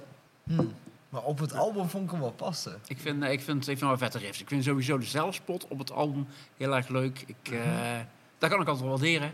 Ehm, ik vind die openingsriff, Dus, die ja. vind ik gewoon al, die vind ik zo vet. ja, De, die openingsriff, eh, die eerste track en dan die riff van Borland. Ja, die- Ja. Ja. Echt geniaal. Hoe, hoe krijg je, hoe krijg je het verzonnen? Dat vind ik echt vet. Ik vind wel, ik heb, ik heb volgens mij eh, wel wat recensies gelezen op de dag dat hij uitkwam. En eh, toen dacht ik van, wow, dit is allemaal positief. Laat ik ook maar eens gaan luisteren. Ik denk wel dat ik wat minder positief ben dan de recensies die ik gelezen heb. Dat me het toch iets minder doet, denk ik. Ik, ik vind inderdaad die zelfspot, die zit, er, die zit er heel lekker in. Die hebben ze wat dat betreft wel echt leuk en, eh, en, eh, en slim en goed gedaan. Maar ik vind hem niet over de hele linie even sterk. Maar ik vind die openingsschrift, ja, die is ja, goud, ja. joh. Dus, ja. Ja, ik vind die, eh, die ballad die erop zit, eh, die vind ik wel minder. Die cover van NXS bedoel je, of niet? Ah, dat weet ik niet aan mijn hoofd. Ik heb hem één keer ben je even snel opgezet op de achtergrond op kantoor. Ja. Eh, er zit in ieder geval één rustige nummer op. Eh, ik- zal die dan wel zijn. Die vind ik al minder. Maar, maar de rest, als ik eerlijk ben, vind ik het een geweldige plaat. Ik dacht niet dat ik dat zou zeggen een nieuwe Limbisky plaat Ja. als ik eerlijk ben. het is Maar natuurlijk, ja, het is, ik het vind hem echt vet. Het is, het is niet cool om, om, om te zeggen, maar ja, laten we wel wezen. Limp Bizkit heeft wel eh, verdomd veel platen verkocht in die periode. Ja. Dus Ja. blijkbaar deed hij toch wel iets goed. ja. En als Ja. afsluiter toen op Graspop was het ook wel echt goed en echt vermakelijk. Het jaar daarna kwa- kwamen ze volgens mij terug. Het stonden ze overdag eh, gepland en toen was het... Ja, het is bij Limp Bizkit ook af en toe zo ontzettend wisselvallig gewoon. Die shows die kunnen af en toe echt gaan ja, dat- dat- dat dat blijft maar slepen. En dan spelen ze even een minuut lang een eh, stukje Race Against the Machine of zo. En dan weer een minuut lang een andere cover of wat dan ook. En Ja. dan denk ik van ja, eh, gasten, hou even de vaart in die show gaan. En dat, eh, Ja. Maar toen de afsluiter, iedereen was eigenlijk heel sceptisch van ja, de afsluiter gaat niks worden. En eh, ja, het, was, het was echt een feestje, het was echt gaaf zo- die Ja. cover van Faith was voor mij echt wel gewoon een... Ja, ik vond het heel vet. Dat was toen, want ik luisterde daar naar Iron Maiden en zo. En dat was eigenlijk qua vocals was die was toch wel harder dan wat ik gewend was. En ik dacht, dat vind ik toch wel heel erg vet.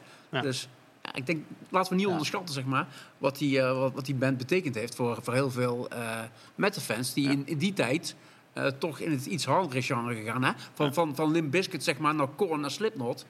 Ehm, Ja. dat is een goede brug. eh, hebben ze toch veel goeds gedaan in die tijd. Ja. Ja, stel je voor de, op, als festivalband dat zij afsluiten met iets als, als breakstuff. Ja. Ja, hoe Zo. hard gaat iedereen Ja, bedoel, Dat blijft toch gewoon, voor mij blijft dat gewoon de vetste track van, eh Ja, van Bizkit. eh, Daar zit zoveel power en energie in. En, eh, ja. is een eh, monster van een track. ja, echt Over wel. monsters Ja. gesproken. Hoor ik daar een bruggetje? Godzilla? Ik weet niet wat voor bruggetje. We, we Ja, gaan naar een clipje, denk ik. Gojira. Ah, Ja, maar, Dat is de volgende clip, of niet? Hebben wij iets nou, tussen? maar we hebben eerst nog een segment. We hebben eerst een segment. Dat zeg ik. wat, bedoelde jij? maar eh, ja, zoals Paul dus al probeerde duidelijk te maken, we gaan weer even naar een segment kijken. En dat is nog niet Gojira, want daar gaan we later in de aflevering naar kijken. Maar we gaan nu kijken naar Loud Stories. Eh, nieuwe aflevering. Elke week gaat er een team van ons eh, naar jullie thuis, de muziekliefhebbers, om te praten over collecties, ervaringen, leuke verhalen. Dus gaan we nu even naar kijken. Ben benieuwd.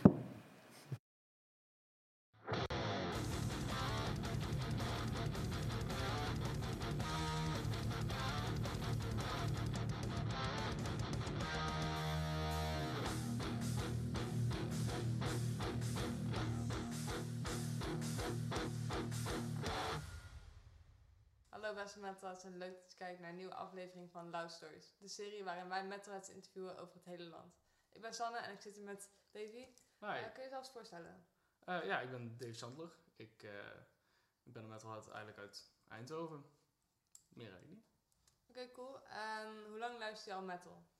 Mm, ik denk nu ongeveer sinds mijn 13e, 12, 13, zoiets. Hoe is dat zo tot stand gekomen?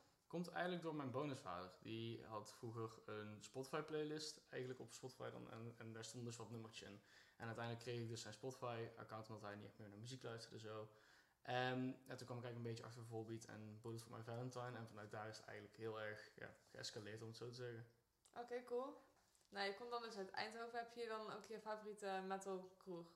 Ja, ja als, als ik dus naar een kroeg ga, weet je, om, om gewoon voor de muziek, of dat het nou live is of gewoon standaard muziek in een kroeg, Mm. Eh, ga ik persoonlijk het liefst naar Jack, naar de Jack. Ehm, en eigenlijk voor, ja, als ik ga kijken naar een zaal bijvoorbeeld, dan zou ik toch liever naar Dynamo toe gaan. Maar dat is gewoon meer voor de concerten, is over het algemeen wat kleiner en toch wel erg gezellig. En wat vind je dan zo leuk aan een plek als de Jack? Ehm, voornamelijk gewoon dat, dat, dat, dat iedereen heel erg toegankelijk is. Je legt er makkelijk contact mee. eh, en gewoon, ja, altijd wel eigenlijk wel een goede tijd. Of dat je nou mensen kent of niet op die avond, komt altijd goed. En, eh, en Dynamo, wat, wat trekt je daar dan zo aan? Het is voornamelijk de schaal. Omdat eh, als er dan een metalband eh speelt, dan zijn het over het algemeen hele gave shows, maar nog niet zo ontiegelijk groot qua zaal dan, dat het gelijk heel onpersoonlijk wordt. Dus het zijn nog best wel persoonlijke, stevige shows dan over het algemeen. Ja. En dan staan er ook wel hele leuke bands. En als je dan denkt aan de Eindhovense metal scene, wat is dan het eerste waar je aan denkt? Ehm, over het algemeen hele leuke kleine bandjes die van mij best wel mogen doorbreken, ja. Ja, wat voor een bands hebben we het dan over? Eh, ik heb bijvoorbeeld over Another Now, eh Inferum, eh, ja, Nephilim weet ik niet helemaal zeker of dat die uit Eindhoven komt, maar in ieder geval die drie bands heb ik wel zoiets van, die mogen echt wel wat groter worden voor wat ze doen. En ja, ik vind ze gewoon heel erg gaaf. En heb, je ook ze, heb je ze ook wel eens live gezien? Ja, Inferum wel, Nephilim ook en Another Now helaas nog niet. Oké. Merk je ook verschillen in de, in de verschillende scenes in Eindhoven? Ehm, ja, want ik heb natuurlijk, ik zelf heb best wel een brede muzieksmaak, al is metal nog wel gewoon mijn favoriet daarin. Ehm, merk ik wel dat over het algemeen als je kijkt naar de metal scene in Eindhoven, vergeleken met de andere scenes, is het wel zo dat metal is het meer, eh, heeft een beetje dat broederliefde aspect erin, als ik het zo kan noemen. Eh, dat eigenlijk maakt niet uit met wie je gewoon een gesprek hebt binnen de scene. Het is altijd oké. Iedereen is eigenlijk wel vriendelijk. En je hebt eigenlijk altijd wel een gezellige tijd ermee. Ja, en dat merk je dat het bij andere scenes minder is dan? Of? Meer anders. Het, het, eh, bijvoorbeeld ehm, door middel van mijn, ja, eigenlijk mijn vriendin, die heeft mij dan nu twee keer meegenomen naar Emo Night bijvoorbeeld. Dat is dan ook in Dynamo, dus wel gewoon in dezelfde zaal als ik graag naartoe ga. Alleen het is dan toch weer heel erg anders. Hoewel er natuurlijk ook leuke contacten zijn, merk je wel dat er heel veel meer groepsvorming is. Dat er kleine groepjes zijn en die Oh, doen ja. hun eigen ding. Ja. Ehm, en sommigen die zoeken dan contact op, maar niet allemaal natuurlijk.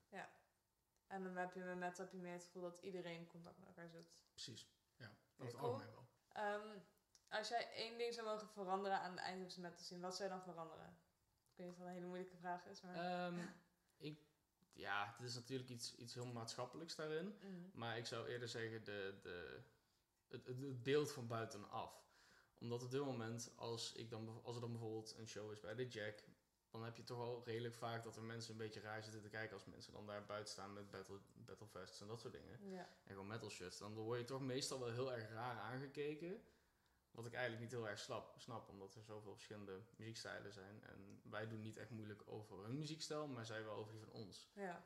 Dus het is niet per se iets wat ik aan ja, de Eindhovense metal scene zou willen veranderen, maar meer, ja, En die andere scenes, hoe ze deze scene Ja, kijken. want dat vind ik dan altijd wel heel erg frappant als je dan ziet dat ze zo, ja, eigenlijk een beetje, een beetje afstandelijk doen tegenover de metal scene. Ja, merk je dat, mer- merk je dat heel erg dat eh, met de Eindhovense metal scene een beetje maar, buiten alle andere scenes wordt gehouden? Ja, ja want je hebt, eh, de Jack is eigenlijk de enige die echt aan metal blijft hangen. Altstad was het eerst nog wel redelijk, weet je, dat hij, dat hij meer alternative en metal erin betrok. Maar nu is het voornamelijk bij de Altstad op een, bijvoorbeeld een zaterdag, dus de populairdere dagen, voor het stappen. Ehm, dan heb je echt drie nummers algemeen, één nummer alternatief. Drie nummers algemeen, één nummer Ja. alternatief. Veel minder. Dus die, die, die, die, ja, die verspreiden hun doelgroep, die vergroten hun doelgroep daarmee wel. Maar ja, dan heb je eigenlijk nog maar één echte tempels, eh, metal kroeg, om het zo te zeggen. En dat is dan de Jack. Ja. En dat is dan wel een beetje jammer. Nou, dat maakt dan wel gelijk een van je favoriete plekken. Dat is zeker waar. Dan wil ik jou heel erg bedanken voor dit interview. En dan wil ik de kijkers thuis bedanken voor het kijken. En tot de volgende keer.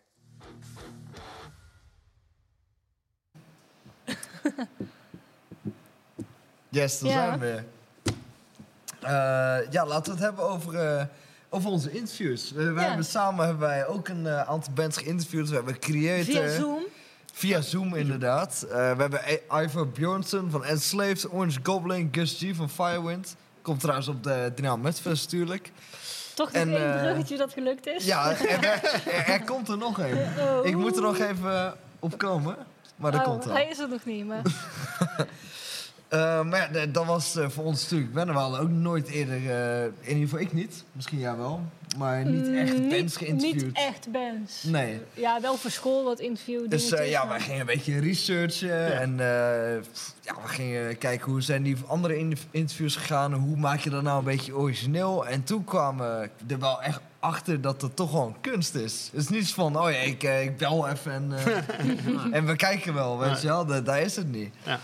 En, Maar het is ook eh, een beetje de kunst om goede vragen. Ja, dat is uit echt... te En je wil niet elke interview ja. dezelfde vragen stellen. Ja. Ja, wat mij ook wel opviel, het was natuurlijk in de coronaperiode. eh Ja, met bands vraag, die eh, gecanceld waren. En je hebt toch van... Ja, je, je wil het er wel over hebben, want Ja. het is gewoon een beetje een standaard vraag van... Ja. En hoe is het eh, nou? Ja. Maar toch, ja, iedereen Hoe is, iedereen is er zo moe. Het we Iedereen is, ook, ja, Ja. iedereen is er zo moe van, maar toch is het iets... Je moet Ja. het wel aanstippen, je kan er niet echt onderuit.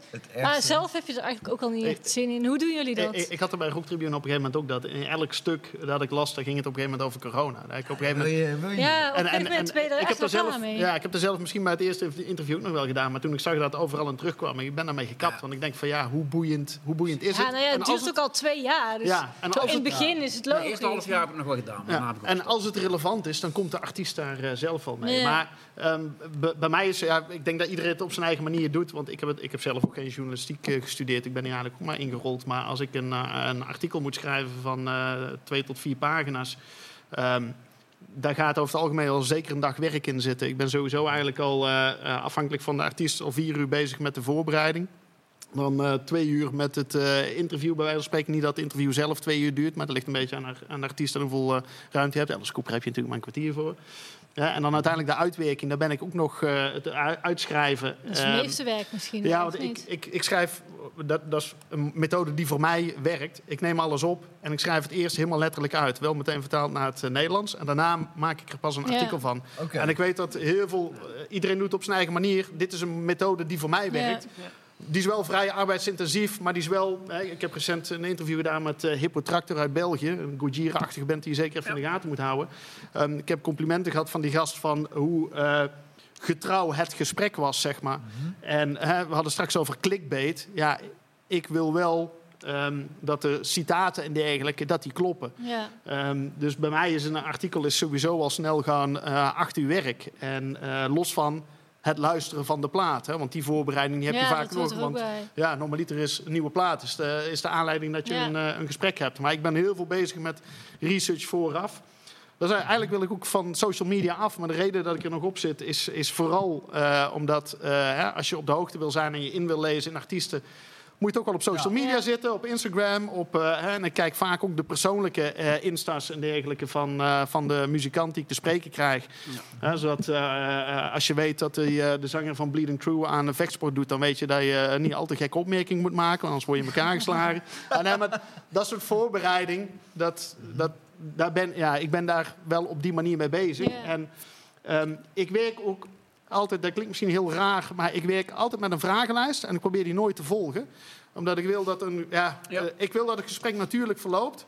Maar doordat ik een vragenlijst heb, heb ik wel altijd een fallback scenario. mij. Ja, dat is eigenlijk een beetje Ja. hetzelfde wat wij hier ook hebben. Ja, Wij, ja. wij schrijven meestal wel, ja, we weten natuurlijk het onderwerp. Nou, vandaag is het bijvoorbeeld reviewers. We schrijven wel een beetje dingen op. Maar Ja. eigenlijk als het gesprek gewoon net als nu gewoon heel leuk en vloeiend loopt, ja, dan heb je het eigenlijk niet nodig. Het is Nee, meer precies. een stok achter de deur van, nou, mocht Ja. niemand Ja. weten wat hij moet zeggen, Ja. kun je altijd nog even een vraag stellen. Exact. Valt, maar valt er stilte, eh, dan... stel, ja. wij gaan op eh Dynamo Metfest eh, elke band even interviewen. En willen een kort interview doen. Wat, Mhm. wat is voor jullie dan zo'n ideale lengte? Zou je dat eh 10 minuutjes even doen of 15 minuten? Of... Dat varieert waar je voor schrijft. Ik- denk dat van zo'n Wij rocktribune... doen een video eh, Precies, een rocktribune is natuurlijk... Dan ga je even zitten, lekker op de bank, sigaartje, whisky erbij, even lekker rustig, eh, rus- rustig In lezen. bad, toch? Eventueel een bad. wordt niet nat, vind ik zonde. Ehm, dus dan mag het iets langer zijn. Voor internet ehm, is het, probeer ik toch soms het wat korter te houden. Mhm. Ehm, dus, nou ja, dus er wordt altijd wel een beetje geknipt, zeg maar. Hè? Dus je ziet niet alles wat ik eh, te horen heb gekregen, komt eraan terug. Ik, het zal voor jou denk ik ook niet helemaal zijn. Nee, klopt. Je, je haalt toch een beetje de meest er interessante veel dingen, uit. dingen uit. Ja. Ehm, dus ja, en voor een video-interview is dat ook. ehm, ja, ik denk, ja, tien minuten of zo, denk ik, is voor een video-interview. Aan wat je naar buiten brengt of wat jij aan het interviewen eh, bent? wat je naar buiten Ja. brengt. En- Naar buiten. En hoe lang ben je daarvan aan het interviewen? Ben je, Ja, ik, ik, eh, ik heb soms een gesprek met een, eh, met een jong onbekend bandje van een uur. En uiteindelijk hebben ze één pagina en een blad. Nou, dan Ja. heb ik veel meer materiaal. Maar ik snijd de minst interessante dingen. Die Schrijf je dat dan ook volledig uit? Die schrijf ik volledig uit. Ja, dus ik heb volledige transcripties liggen. Dat is wel, eh, Ja, Heb je dat Ja. ook allemaal nog, van alles wat je gedaan dat hebt? heb, ik, dat heb ik allemaal nog. Wat ik niet heb, Jezus. is, eh, zijn zeg maar de originele opnames. Want ik had eigenlijk geen zin om daar allemaal nog ergens op te slaan. Ook omdat eh, eh, ik begon in eh, 1999 Ja. met, met een Ja, ja, ja. memo-recordertje. En met eh, hele kleine cassettetjes zelfs nog eh, erin. Tegenwoordig eh, heb je memo-recorders met een harde schijf. Maar tegenwoordig, kijk, destijds, toen waren heel veel interviews waren nog face-to-face. Dan organise- organiseerde platenlabel een eh, persdag in Amsterdam of in Berlijn of waar dan ook. En daar werden alle journalisten eh, verzameld. En daar werd interview na interview werd face-to-face afgewikkeld. Tegenwoordig gaat bijna alles via Zoom. Ja. En die, Ja. sla, die sla ik dus wel eh, eh, allemaal op. Hè, dus eigenlijk, de, eigenlijk heb ik van de laatste jaren het beeld- en audiomateriaal heb ik van de laatste jaren eigenlijk weer wel. Maar vind je, van dat die niet, eerste jaren heb ik het allemaal weggeflikkerd. Ik Want ik denk, van, ja, daar ga ik nooit meer luisteren. Ja, ja. vind je dat niet jammer dat het nu meer online is in plaats van... Het is wel echt een beleving als je dan naar Ja. een dag gaat en je mag iemand echt ontmoeten. Ja, is, de, dat, is, dat is zeker Het zo. scheelt wel veel tijd natuurlijk. Het scheelt heel veel tijd zo. Dus het is ook wel makkelijk Ja. Eigenlijk. Hè? Want ik heb, eh, ja, je wil niet weten hoe vaak ik heb moeten haasten om na werk of wat dan ook. nog snel naar Amsterdam. En eh, Ik was ook heel vaak was ik, eh, was ik de laatste, omdat ik overdag nog aan het werk was. Eh, dat had ook wel weer zijn, eh, zijn voordelen soms. Ik heb een keer, eh, de- ik was de laatste op een persdag van Killswitch Engage. En dan duik je daarna met, eh, met eh, ehm, eh, Adam Dutkewitz en eh, René Dekker van Roteren. Dan duik je een steakhouse in in Amsterdam. En eh, wat daar gebeurt is ook weer hilarisch. Dus eh, Ja. daar zijn ook wel de leuke dingen daarvan. Maar ik ben eigenlijk wel blij dat het, eh, dat het allemaal via Zoom gaat. Want het, het maakt het wel echt een stuk makkelijker. Het is veel minder gedoe. Ja, dat is En- echt van de nieuwe tijd. ja, en weet Maar je wat het komt is? dat vooral door corona of is dat sowieso Nee, al een ontwikkeling ja, dat- van dat sowieso- tijd? Ja, ik denk ook door bezuinigingen, bezuinigingen bij platenlabels. Hè. Ik bedoel, ehm, in het verleden, ik, ik, hè, ik, ik, ben eens naar eh, Berlijn gegaan voor Korn. Ik ben een paar keer naar Londen gegaan voor eh, Slipknot en Happy E. Ehm, ik ben een keer naar New York geweest voor die Rotor United show. Eh, naar Hamburg voor Nickelback, wat overigens ook echt heel tof was. Leuke gasten. Ehm, dat soort dingen, daar heb je tegenwoordig eigenlijk veel minder. Het gebeurt nog Maar wel, werd- maar mondjesmaat. Misschien, Ja? eh, misschien een beetje te veel door aan het vragen. Nee, maar ik, eh, kreeg je dat vergoed dan? Of Ja, was dat uit eigen zak dat je daar dan naartoe mag? Of is het echt van, nou, wij Ja. willen graag die band in een blad krijgen, dus jij mag hierheen komen? Ja, ja, nee, dat werd allemaal betaald eigenlijk door het platenlabel. Hè. Ik weet nog dat eh, Nickelback in Hamburg, ik had er echt, ik, ik had er eigenlijk helemaal geen zin in. Mindless Self-Indulgence, dat was een van mijn favoriete bands toen. Die zou voor de allereerste keer in Nederland spelen. Dus ik had kaartjes gekocht. Ik ga naar Mindless Self-Indulgence. En op die dag was de persdag van Nickelback in, eh, in Hamburg. Dus ik kreeg een week van tevoren kreeg een, eh, kreeg een eh, telefoontje van... "Ah, wil jij Nickelback interviewen in Hamburg? Ja, nee, ga ik niet doen, want ik ga naar Mindless Self-Indulgence. Die band komt eindelijk over. En eh, oké, dan zoeken we iemand anders. Nou, eh, een uur later, een mailtje van ja, we hebben niemand kunnen vinden. Wil je dat toch niet doen? Ik zei nee, eh, ga ik niet doen, want Ja. Mindless Self-Indulgence komt voor de eerste keer naar Nederland. En uiteindelijk hebben ze gezegd van nou, ehm, maar wij betalen jou kaartjes voor Mindless Self-Indulgence. En ehm, hotel is inbegrepen en eh, vervoer is geregeld en noem maar op. En ja, toen ben ik uiteindelijk ben ik gezwicht. Eh, heb ik dus afstand gedaan van mijn kaartjes van Mindless Self-Indulgence. Gelukkig zijn ze later nog een paar keer naar Nederland gekomen. Daar ben ik wel heel blij mee. Ja. Dus ik heb ze alsnog live kunnen Ja. zien. En eh, toen heb ik dus... eh, eh, mijn vrouw Danielle mocht trouwens ook mee. Dus toen zijn we eh, naar, naar Hamburg gegaan. Hebben daar in een hotelletje gezeten. En eh, de volgende dag weer terug. Alright. Ja, zou bij zeggen dat eh, Nickelback ook zal maar zeggen, eh, de, de centen heeft om zoiets te betalen. Eh, ik weet dat de, schijnt zo te zijn dat de zanger van Nickelback een dame in dienst heeft die zijn jointjes draait. En hij schijnt een eigen ijshockeystadion te hebben in zijn mansion. Eh, plus een eigen tankstation in zijn eigen mansion. Is- Nou, is dat nu een rockstar? Klopt wel. Ja, dus, eh, ja. Maar eh, over de nieuwe tijden met Zoom gesproken. Tegenovergesteld van hebben we ook de hele oude tijden. In Egypte. Met de Sphinxen. Ja, eindelijk een mooi bruggetje. Ik vind hem wel... eh, ik ben trots op je. Dankjewel. Nou, kondig hem maar aan. Dan gaan We gaan nu kijken. luisteren naar Sphinx van Gojira.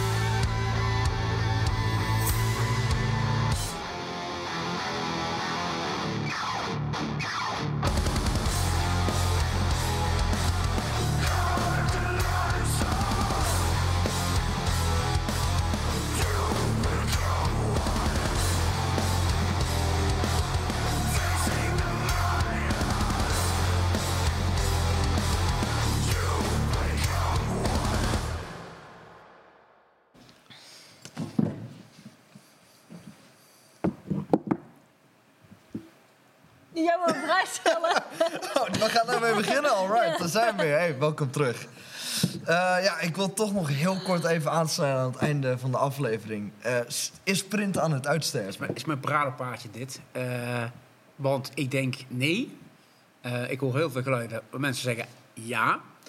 Ehm, kijk, vinyl is ook natuurlijk wel gewoon terug. Omdat gewoon de beleving anders is. En, ehm, Zeker. Ik eh, lees zeker veel websites ook. Maar alleen, ik ben ook geïnter- eh, geabonneerd op eh, de Rock Tribune, de Aasrock, Revolver Magazine, eh, Metal Hammer. Omdat Alles. gewoon het gevoel wat ik al omschreef, lekker rustig zitten met zijn magazine, drankje erbij. Die beleving is gewoon veel anders, veel minder vluchtig.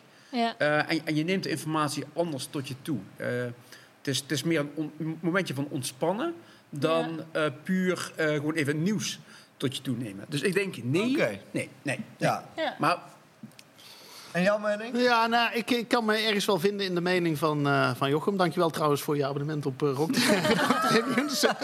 Sympathie. Ehm, nee, ergens denk ik dat print wel eh, aan het uitsterven is. Nou, laat ik zo zeggen, het wordt met uitsterven bedreigd. Eh, tegelijkertijd denk ik ook dat ehm, eh, eh, eh, de beleving is inderdaad anders. Dus het zal wel blijven. Maar eh, als ik kijk naar mijn dochters bijvoorbeeld, eh, hoe die opgroeien... Ja, daar komt weinig papier aan te passen. Daar komt ook weinig eh, vinyl aan te passen. Er komt weinig cd's aan te passen. Dus ik vraag me af of zij het op de lange termijn nog gaan doen. Dus ik denk dat, ik denk dat de groep wel kleiner wordt. En misschien uiteindelijk wel niet heel.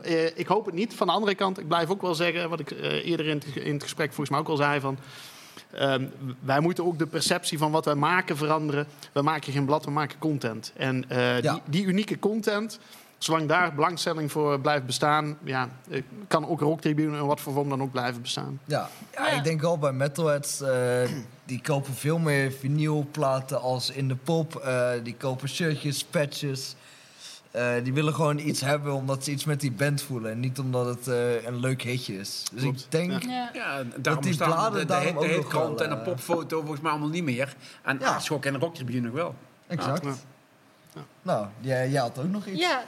Ehm, nog een laatste vraag voordat we gaan afronden. Wat hebben jullie laatst gereviewd of ontdekt waarvan jullie vinden dat de mensen thuis en misschien wij eh, het echt moeten gaan checken? Ja. Nou, ik vind eh, sowieso Hippo Tractor uit België. Hè, wat is juist Gojira. En Als je houdt van Mastodon, Mastodon eh, Gojira, eh Intronaut... dan is Hippo Tractor wel echt, echt heel vet. Spirit Box, ja, ik, ik vind het geweldig. Een beetje nieuw metal invloeden, een beetje progressief. Billie Eilish invloeden. Spiritbox is echt... Ja, ik, ja ik, vind, ik vind het echt geweldig. Ik vond dit jaar heel verrassend eigenlijk de nieuwe Trivium heel sterk. Ehm, zelfs aan een collega eh mij mailde, Koen... ehm, van, eh, hey, ik ben nooit zo'n fan geweest van Trivium, maar ehm, ik had jouw recensie gelezen en ik vind die nieuwe platen ook wel echt heel sterk. En ik, ik durf zelfs te beweren dat het hun beste is tot op, eh, tot op heden.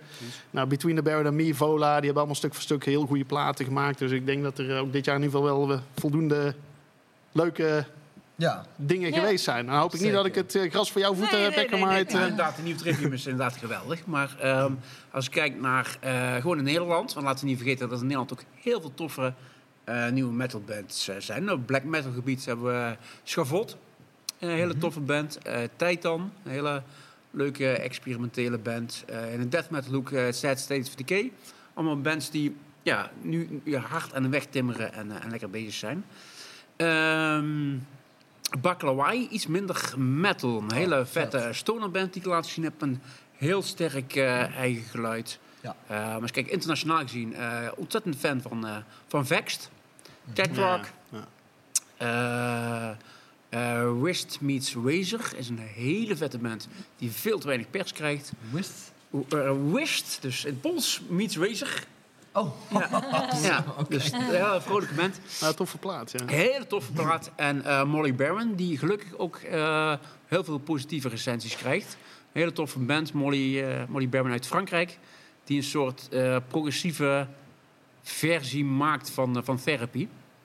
Ehm, ja, ga die band checken. Die maken hele toffe muziek die voor een eh, publiek wat open staat voor iets anders dan puur of black of death of wat dan ook. eh, gewoon heel erg interessante muziek maken.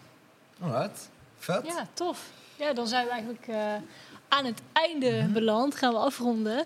Dan wil ik jullie super erg bedanken voor jullie komst, voor jullie leuke verhalen. Eh, natuurlijk ook de kijkers thuis van Mol voor het lekkere langharig tuigbier. Heerlijk. Ja, Morsink Music voor de intro-track die wij eh, elke week afspelen. Dynamo en alle vrijwilligers, ook onze stagiaires. En eh, ja, volgens mij heb ik al gezegd, maar de kijkers thuis heel erg bedankt. Volgende week zijn we weer terug met een nieuwe aflevering om 8 uur. www.loudnoise.tv Wilde jij de clip aankondigen? Ik, ik, ik heb geen... eh, ik heb Of heb je geen? Nee, maar eh, ik kan Oh, het ook gewoon Carnaval zeggen. in Limburg is afgelast, hè? Oh ja, die Morgen, kunnen... dus ja, niet we naartoe. zitten hier met allemaal Brabants aan tafel. Maar eh, we gaan toch even naar Limburg toe. Het is bijna carnaval natuurlijk. Dus, eh, Halloween is geweest. Halloween is geweest, carnaval is Ja. hier. Ik Ja. begreep dat het eh, morgen van start ging. De, ik, heb ik, Ik heb vandaag geen gehoord. Maar, eh, ja, ja, dat is een nou. ja, nee, Oh ja, inderdaad. nou ja. In ieder Limburg, geval, bedankt voor het kijken. Carnaval Deciding is a portent of doom. Tot volgende week. Fijne